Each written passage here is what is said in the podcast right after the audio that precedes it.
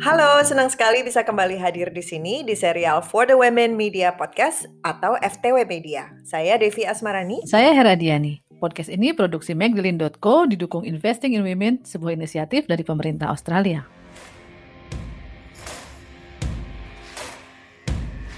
Are you lost, baby girl? Why am I here? I want to get out now. Afraid this is impossible. Di tengah pandemi tahun lalu, sebuah film produksi Polandia dirilis Netflix. Judulnya 365 Days. Menurut Forbes, film 365 Days ini menjadi salah satu film yang paling banyak disaksikan di Netflix. Meski laris manis ditonton banyak orang dan memecahkan rekor, Film itu banyak menuai protes dan kecaman dari para aktivis dan organisasi perempuan. Salah satunya, penyanyi Inggris Duffy sempat melayangkan protes keras kepada Netflix karena film itu dianggap mengagungkan perdagangan seks, penculikan, dan pemerkosaan. You will kill me? Now you put down the gun. I'll never let anyone hurt you. Cerita film itu tentang Massimo Torricelli, diperankan oleh Michelle Moron, seorang bos mafia dari Sisilia, Italia. Selain itu ada Laura Bill, diperankan Anna Maria Sikluka, seorang direktur penjualan sebuah hotel ternama di Warsawa, Polandia. Massimo menculik dan menyekap Laura di kediamannya yang mewah. Massimo kemudian memberikan kesempatan kepada Laura untuk jatuh cinta kepadanya dalam 365 hari. Hmm, Premis cerita film yang diadaptasi dari novel dengan judul yang sama ini, karya Blanka Lipinska itu, adalah perpaduan antara Fifty Shades of Grey dan Beauty and the Beast. Kebayang nggak tuh? My dear Belle, you're so ahead of your time. This is a small village. You are the most gorgeous thing I've ever seen. Nobody deserves you. And it's small-minded as well. Beauty and the Beast kan bercerita tentang Belle atau Beauty yang akhirnya jatuh cinta kepada Beast, si buruk rupa yang memenjarakan Belle di istananya. Sementara kalau Fifty Shades of Grey masih ingat kan? Sempat kita singgung juga di episode tentang cerita cinta toksik dalam fiksi. Itu tadi film-film yang diproduksi di luar negeri, baik di Eropa maupun Amerika. Tapi, bagaimana dengan film-film di Indonesia? Seperti apa sih penggambaran kekerasan atau pelecehan seksual dalam film produksi tanah air? Coba yuk kita tanya ke salah seorang penikmat film Indonesia. Ini komentar dari seorang mahasiswi namanya Asti.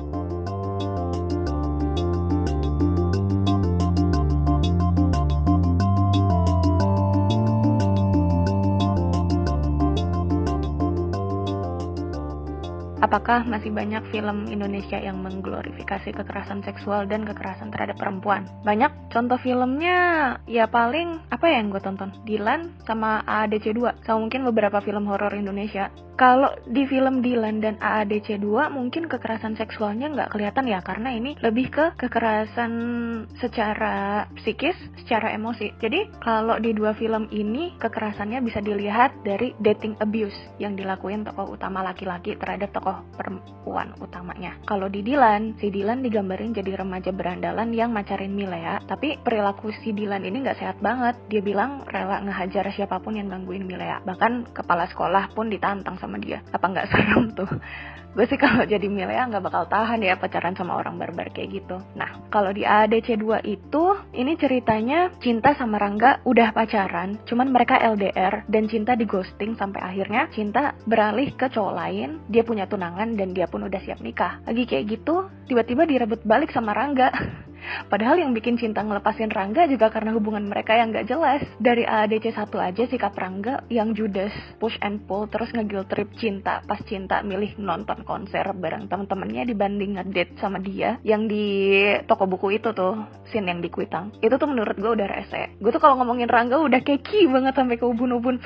Uh, kayak kenapa orang masih ada yang suka sama modelan kayak gini? Itu rese. Nah, Dilan sama Rangga sama-sama digambarin posesif dan merasa seakan si pacar bakal mau ngikutin apa pun maunya mereka. Herannya teman-teman perempuan gue yang nonton tuh dua film tuh kayak nganggep Dilan dan Rangga nih keren banget padahal ini toxic. Gue mau ogah ya. Kalau untuk kekerasan seksual mungkin bisa dilihat di film-film horor Indo yang masih exploiting badan perempuan dengan cara ya nampilin mereka pakai baju-baju seksi plus rata-rata background story hantu perempuan yang muncul itu mereka gentayangan buat balas dendam karena jadi korban pelecehan seksual atau bahkan pemerkosaan. Ya, itu bisa dilihat di film Bernapas dalam Kubur atau Si Manis Jembatan Ancol. Mungkin di film lain juga banyak yang background story-nya seperti itu. Begitu.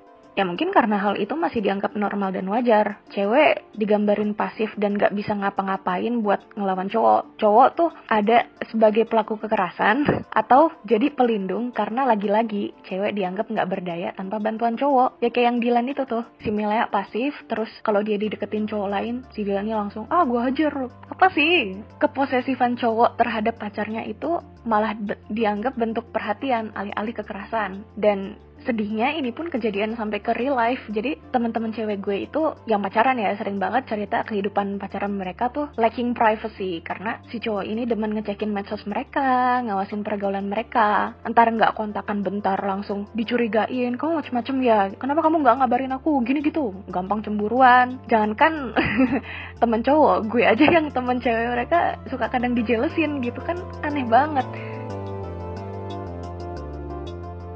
Sebenarnya kalau kita lihat Rangga dalam AADC itu merupakan karakter protagonis laki-laki yang beda dari film-film lainnya. Dia tuh kayak antitesis dari karakter bad boy yang diisi oleh Borne dalam AADC yang pertama. Tapi toh ternyata menurut Asti, karakter Rangga ini penggambarannya tetap aja masuk dalam jebakan yang sama dengan karakter-karakter laki-laki dalam film pada umumnya. Karakter bad boy emang sering muncul dalam film-film Indonesia. Misalnya dulu tuh ada Beranda-Beranda Metropolitan tahun 71 dan Ali Topan Anak Jalanan tahun 74. Dilan dalam Dilan 1990 yang dirilis tahun 2018 lebih kurang sama karakternya. Dilan nih anak geng motor dan anak tentara yang gak cuma bad boy tapi suka stalking juga tuh. Dia menguntit Milea sampai tahu hari ulang tahun dan nomor telepon Milea. Dilan bahkan datang ke rumah Milea tanpa izin. Sementara itu, Milea digambarkan senang hati menerima perilaku Dylan karena itu dianggap romantis. Milea juga dibebankan tugas buat mengubah sifat Dylan yang notabene seorang bad boy supaya bisa jadi lebih baik. Romantisasi kekerasan terhadap perempuan dalam hal lain seperti hubungan non-konsensual juga ada di dalam film-film Indonesia. di kehidupan cinta gue yang berantakan. Lo masih ingat cewek paling tepat yang waktu itu gue ceritain sama lo? Itu lo, oke? Okay.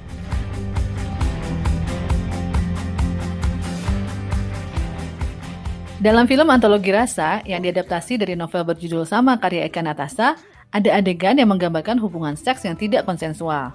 Tokoh Haris dan Keara diceritakan berhubungan seks dalam keadaan mabuk. Esoknya, Keara marah lantaran merasa dimanfaatkan. Sementara Haris bingung karena dia merasa Keara memberikan lampu hijau. Singkat cerita, konflik hubungan seks tanpa konsensus ini diselesaikan cuma dengan kata maaf. Keara kemudian memaafkan bahkan menyadari kalau mereka saling mencintai. Hmm, romantisnya di sebelah mana ya?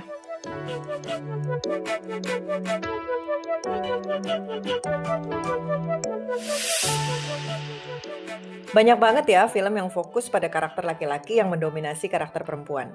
Biasanya karakter perempuannya digambarkan terima-terima aja didominasi. Bahkan nggak jarang melalui tindakan kekerasan, baik fisik maupun psikis. Ketika si karakter perempuan ingin melepaskan diri, dia dimanipulasi dengan dibikin merasa spesial. Korban yang biasanya perempuan diyakinkan bahwa hanya dirinya yang bisa mengubah karakter laki-laki menjadi pribadi yang lebih baik dengan tetap menerima apa yang dilakukan oleh karakter laki-laki terhadapnya. Ini digambarkan sebagai gestur kasih sayang dan berakhir dengan kebahagiaan si perempuan. Misalnya nih, si Beast dalam Beauty and the Beast berubah jadi pangeran yang tampan atau Kiara dan Haris yang kemudian saling mencintai dalam antologi rasa. Pesan apa sih yang ingin disampaikan dengan naratif seperti ini? Dan kenapa sih masih banyak sineas atau penulis skenario film yang berkutat dalam cerita yang sama? Apakah ini tuntutan pasar atau industri? Lisa Bonarahman, pengarsip, kritikus film, dan founder kolektif Sinematik Nggak Harus Toksik.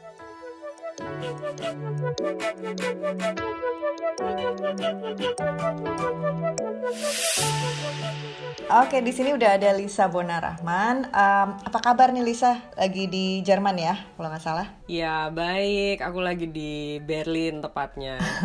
nah, kita lagi ngomongin tentang penggambaran kekerasan terhadap perempuan dalam film, terutama film Indonesia. Menurut pengamatan kamu, seperti apa sih sebenarnya? Apakah ada masalah dalam penggambaran uh, kekerasan terhadap perempuan di film Indonesia ini? Sebelum kita masuk ke gejala-gejala umumnya, kita perlu apresiasi juga bahwa salah satu film Indonesia terbaik dan paling berprestasi itu adalah Marlina si pembunuh dalam empat babak. Nah itu filmnya bener-bener tentang kekerasan terhadap perempuan tapi penggambarannya amat sangat produktif gitu ya. Artinya dari perspektif perempuan bahwa ada film tentang kekerasan terhadap perempuan yang sangat progresif gitu. Kalau kita melihat film-film Indonesia tahun 50-an sampai pertengahan 60-an gitu, ada film-film seperti film yang dibuat oleh Usmar Ismail kebetulan tahun ini 100 tahun perayaan kelahirannya itu dia mengadaptasi romannya Sultan Takdir Ali Syahbana anak perawan di sarang penyamun. Itu ceritanya tentang seorang perempuan yang diculik oleh kawanan penyamun di Sandera gitu ya di markasnya mereka. Tapi karakternya si perempuan ini akhirnya mengubah nilai-nilai di dalam kelompok penyamun itu gitu. Bagaimana mereka berhubungan secara sosial tentunya dengan seorang perempuan gitu. Jadi faktornya si perempuan inilah yang memperkenalkan nilai-nilai baru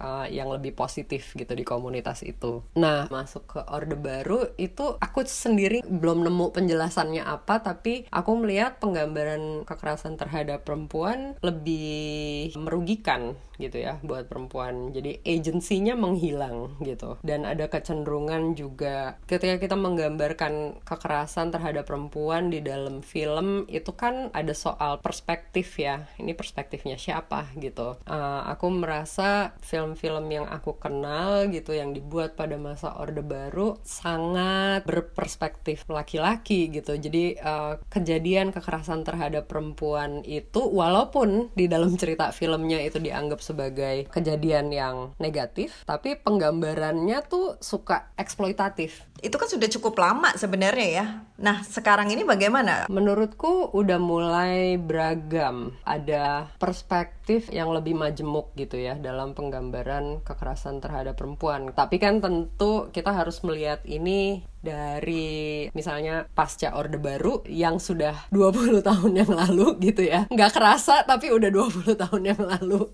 uh, sampai sekarang. Uh, memang ketika Orde Baru runtuh, uh, aku merasakan uh, bahwa penggambaran tidak hanya kekerasan terhadap perempuan tapi juga seksualitas gitu ya. Dan karakter perempuan pada umumnya itu jauh lebih lebih majemuk dan lebih progresif tapi itu juga sayangnya nggak berlangsung terlalu lama setelah tahun 2008 aku merasa itu menyempit jadi lebih jarang gitu karakter-karakter yang punya seksualitas yang majemuk lalu persoalan-persoalan kekerasan terhadap perempuan juga agak lebih jarang diangkat. Nah ini kan sering kali industri film mengatakan bahwa ini hanya keinginannya atau permintaan pasar gitu. Sebenarnya apa benar seperti itu? Karena for every uh, movie yang seperti Marlina masih banyak juga film yang mungkin masih mengglorifikasi kekerasan atau mungkin dalam menggambarkan kekerasan perspektifnya masih laki-laki banget dan tidak memberi agensi terhadap perempuan. Itu Lisa ngelihatnya gimana?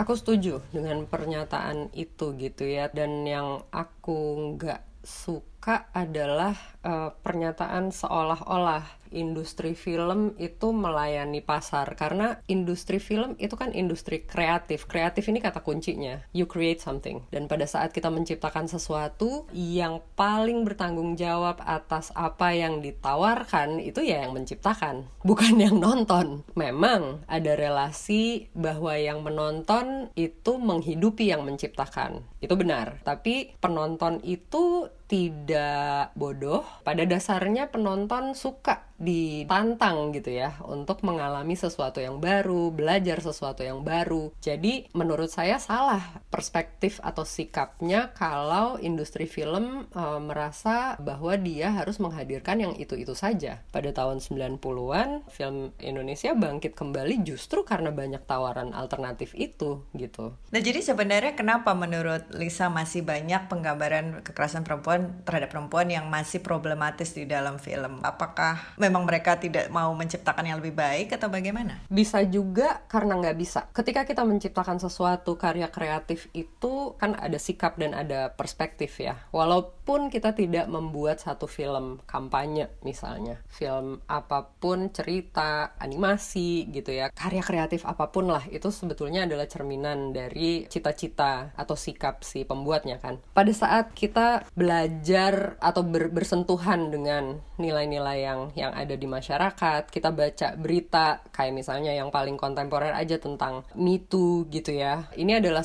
suatu perubahan nilai, perubahan cara kerja, perubahan praktik dan pengorganisiran tenaga kerja yang harus dipelajari. Jadi nggak bisa tuh mentang-mentang kita baca uh, berita mitu terus besok bikin film tentang kekerasan terhadap perempuan terus jadi progresif. Jadi menurutku bukan hanya tidak mau tapi juga tidak mampu karena tidak mau menjadi mampu. Ini apakah juga berdampak ketika yang pembuat filmnya laki-laki, penulis skripnya laki-laki, atau sama aja meskipun perempuan yang membuat eh, menjadi pembuat film, penulis skrip dan sebagainya juga tidak berpengaruh terhadap karya yang dihasilkan gitu dalam hal ini ya isu yang kita bicarakan ini. Kita nggak nggak bisa melihatnya sebagai biner kayak gitu ya laki-laki vs perempuan gitu ya karena di kedua semesta ini juga majemuk gitu apa yang namanya jadi laki-laki apa yang namanya jadi perempuan gitu. Di tataran berikutnya ini ada ada sistem industrinya gitu siapa yang berkuasa atas sistem kerja yang berlangsung di situ gitu. Kalau memang yang berkuasa di situ masih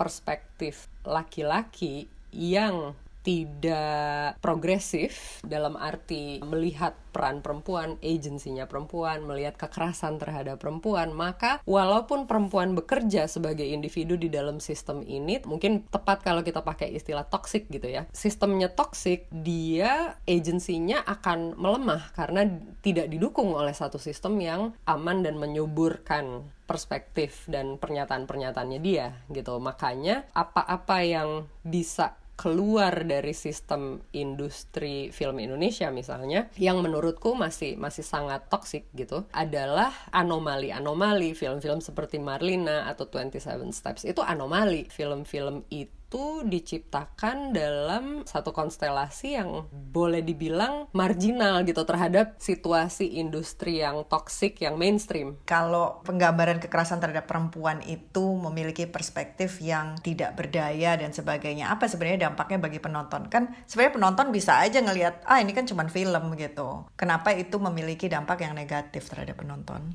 Apa yang yang buat saya penting adalah karya itu sendiri ya, bagaimana penggambarannya gitu. Jadi soal apa yang terjadi pada penonton, setiap penonton unik kita tinggalin dulu karena untuk membahas itu uh, kita harus menjabarkan penonton seperti apa yang kita maksud dan lain-lain gitu ya. Kita fokus ke karyanya aja. Misalkan kita melihat bagaimana perkosaan digambarkan gitu misalnya ya. Saya uh, inget misalnya film Budak Nafsu itu yang bikin Cuman Jaya. Ceritanya itu tentang uh, Jugun Yanfu sebenarnya seorang perempuan yang dipaksa gitu ya menjadi uh, budak seks bagi tentara Jepang gitu kan ya kita breakdown ringkas aja gitu ya judul deh budak nafsu. Artinya ya memang subjeknya adalah si perempuan nih di judulnya ini, tetapi dia digambarkan sebagai satu karakter yang pasif. Walaupun judul itu sebenarnya ada ada tanda kurungnya tuh kayak budak nafsu dalam kurung Fatima ada namanya gitu. Tapi menurut saya itu menunjukkan standpoint gitu, bagaimana melihat si korban dengan sendirinya dari perspektif mana kita melihat si korban. Lalu kalau kita masuk ke dalam misalnya pengadeganan gitu ya. Apa sih sebenarnya yang penting ketika kita berpikir untuk menggambarkan sebuah perkosaan? Apakah peristiwa seksualnya yang penting atau kondisi psikologis si korbannya yang penting. Kalau buat saya, yang nomor dua, kondisi psikologis korbannya itu lebih penting. Maka ada bedanya nih antara pengadeganan perkosaan di mana tindakan seksual itu ditampilkan sebagai sesuatu yang kayak nggak ada bedanya sama hubungan seksual yang konsensual gitu ya. Walaupun mungkin pakai aksesoris ada pemaksaan dan segala macam, tapi dalam dirinya sendiri dia digambarkan hanya sebagai hubungan seksual dengan penggambaran yang lebih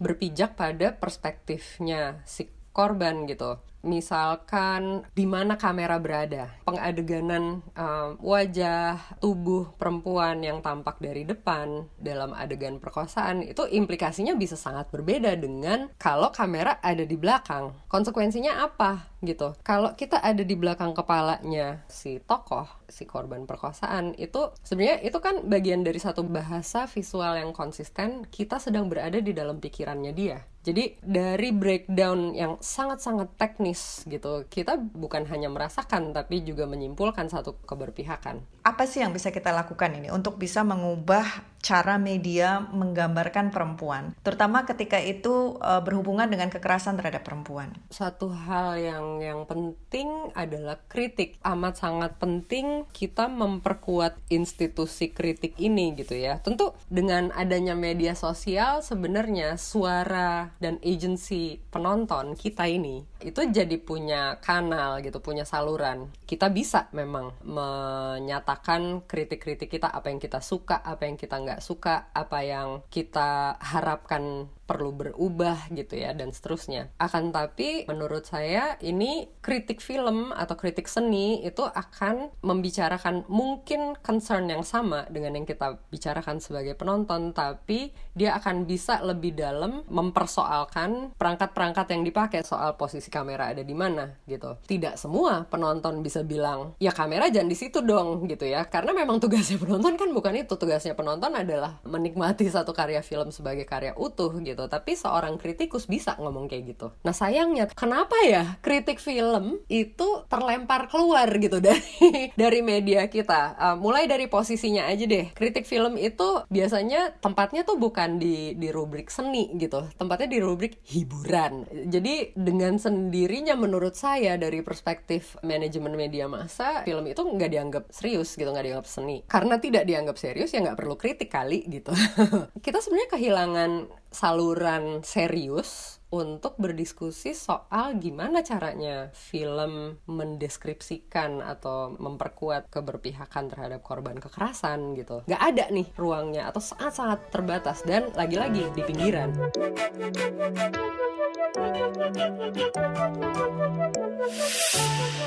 Kekerasan seksual terhadap perempuan gak cuma terjadi dalam film, di balik layar juga terjadi. Salah satu kasus pelecehan dalam industri perfilman Indonesia yang sempat mengemuka adalah pelecehan oleh seorang aktor senior terhadap aktris dan musisi Miantiara.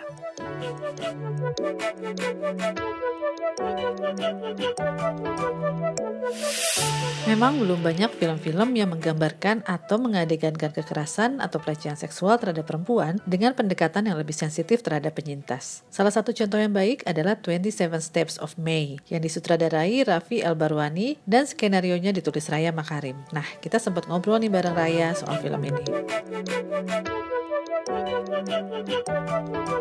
Thank you. Raya, 27 Steps of May ini diapresiasi karena sensitif terhadap penyintas kekerasan dan juga karena menerapkan female gaze alias pandangan perspektif perempuan. Ide awalnya sendiri berangkat dari mana sih? Kita awalnya itu terinspirasi oleh mass rape yang terjadi di 98. Pemerkosaan massal yang terjadi tahun 98, tapi habis itu kita tidak ingin membuat film yang politis, film yang terlalu besar. Jadi akhirnya kita sederhanakan, sederhanakan, sederhanakan dan akhirnya jadi cerita tentang seorang bapak dan anak perempuannya. Jadi awalnya begitu mulai ceritanya. Dan kita mau fokus terhadap bagaimana sebuah keluarga kecil, bapak dan anak itu melalui trauma setelah si anaknya itu diperkosa oleh tiga orang, bagaimana si anak ini melakukan langkah-langkah untuk keluar dari traumanya dan bagaimana trauma seorang anak itu dan dampaknya pada orang tuanya, terutama bapaknya. Jadi awalnya inspirasinya adalah 98 tapi akhirnya menjadi sebuah film yang lebih personal dan lebih, lebih kecil. Bagaimana dengan pilihan artistik dan kreatifnya? Apakah itu didasarkan dari riset atau wawancara langsung dengan penyintas juga? Saat itu sangat susah ketemu uh, penyintas karena nggak nggak banyak yang ingin bicara. Karena film ini prosesnya cukup panjang dari tahun saya lupa pokoknya udah, udah lama. Jadi yang saya lakukan adalah baca. Kami researchnya membaca banyak testimoni testimoni dari penyintas kekerasan seksual atau pemerkosaan. Jadi dari riset itu kami mendapatkan banyak apa kayak dampak psikisnya fisiknya dan abis itu banyak diskusi yang saya lakukan dengan Raffi. Ini bagaimana bentuknya atau kita mau milih dampaknya itu seperti apa, apa yang terjadi di, di adegan pemerkosaannya dan apa yang harus kita taruh di titik-titik uh, titik-titik di dalam filmnya itu apa aja. cara saya membuat cerita adalah saya membuat cerita yang hopefully believable. Uh, jadi saya tidak ada oh nanti untuk memberi daya atau ini atau itu enggak. Tapi saya tahu dari awal bahwa perempuan ini harus menang di akhir cerita. Saya nggak mau turun, jadi dia harus naik terus. Harus ada hope. Jadi saya nggak tahu apakah itu akan memberdayakan para penyintas atau apa. Tapi saya tahu kalau kita memulai sebuah film di titik yang sangat rendah, saya mau berakhir di titik yang lebih tinggi daripada di awal. Kalau enggak ya kita berjalan di tempat. There's no point. Selama proses penulisan atau penggarapan, ada nggak sih tarik menarik kayak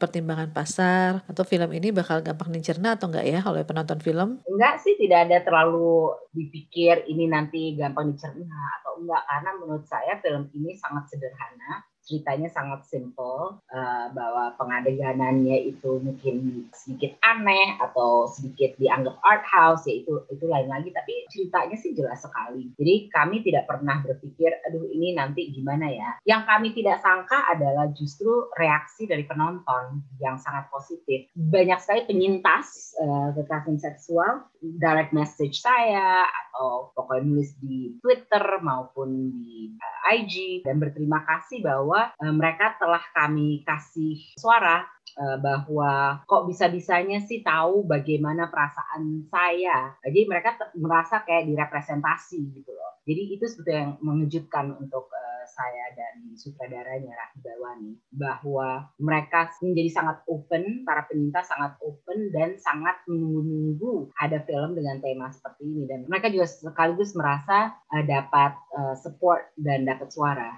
dari film ini. Kalau menurut Raya nih, masalahnya ada di mana sih soal penggambaran kekerasan atau pelecehan seksual, terutama terhadap perempuan dalam film Indonesia? Eh, banyak sekali yang terjadi di masyarakat kita adalah normalization. Hal-hal tertentu dibikin seakan-akan normal. Apakah itu di pasar terus ada yang nyolek, atau ada yang sweet-sweet, atau pelecehan seksual di, di set film segala macam. Ini udah 2021, it's not normal anymore ada gerakan dunia yang yang yang sudah yang sudah cukup aktif menyuarakan suara perempuan dan hak perempuan dan segala macam. Jadi sudah waktunya kami dalam film maupun masyarakat secara umum untuk betul-betul menghentikan this normalization karena it's not normal. Artinya industri film itu kan tinggal merespons, meresapi dan menerapkan itu ke dalam film yang diproduksi. Gitu kan ya? Ya juga tapi it's basic empathy sih masa sih nggak bisa melihat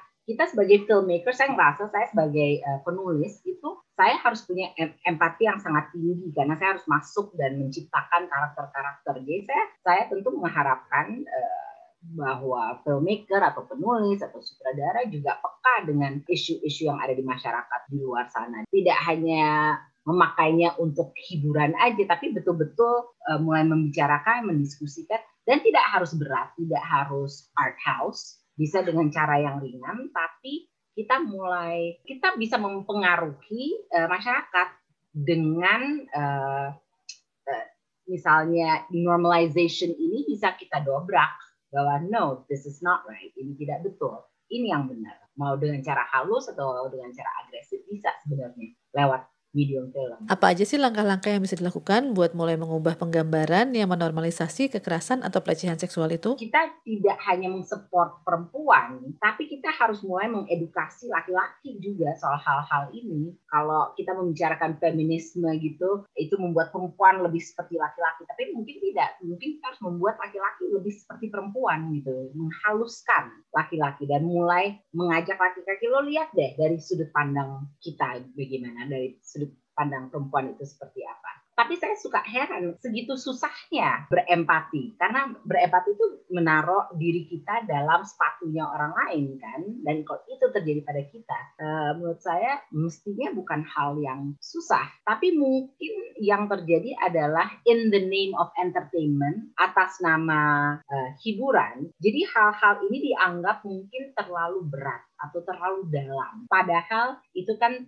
tergantung kemasan kita tetap bisa membicarakan hal-hal yang penting, hal-hal yang patut didiskusikan dengan cara dengan kemasan yang sangat light sebenarnya. Jangan takut untuk berdiskusi, jangan takut untuk memunculkan isu-isu dan tema-tema ini, dan jangan takut oh nanti nggak laku atau nanti nggak ada yang nonton karena bisa kita paketkan dalam genre komedi atau horor atau apa itu bisa kita selipkan. Mestinya tidak bermasalah tapi ya itu perlu perlu sedikit hmm, gimana ya caranya gue ngomongin ini tapi gue nggak mau ini jadi non komersial film. Tapi kalau ada eh, orang-orang yang membuat film-film yang mainstream yang banyak penontonnya box office segala macam bukan berarti mereka tidak bisa membicarakan hal-hal ini.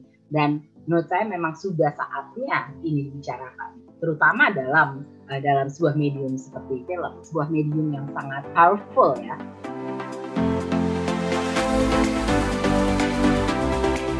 Kalau kekerasan atau pelecehan seksual terhadap perempuan terus-terusan diromantisasi atau bahkan diglorifikasi, ini bisa banget berpengaruh terhadap pola hubungan para penonton film Indonesia, khususnya anak muda, dengan alasan bucin, kekerasan dialami justru dimaklumi. Kebanyakan penonton film Indonesia itu memang anak muda. Setidaknya itu berdasarkan survei yang dilakukan Saiful Mujani Research and Consulting pada Desember 2019 lalu. Survei yang melibatkan 1000 responden di 16 kota besar itu menunjukkan hampir 70% anak muda menonton setidaknya satu film nasional di bioskop selama tahun 2019.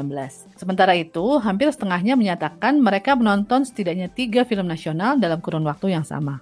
Pada saat yang sama, Komnas Perempuan mencatat angka kekerasan dalam hubungan, termasuk dalam rumah tangga dan pacaran, terus meningkat setiap tahun. Ini termasuk kekerasan fisik, psikis, dan seksual. Kalau kamu punya opini atau mau share pengalaman pribadi mengenai tema obrolan kali ini, boleh banget. Kita sama-sama belajar ya. Kamu bisa sampaikan ke DM at ID atau at Magdalene's Podcast, atau kamu bisa email ke editor at magdalene.co. Semoga lewat obrolan ringan ini, kita bisa mendorong terjadinya perubahan perilaku dan perspektif media, supaya bisa lebih sensitif pada persoalan perempuan.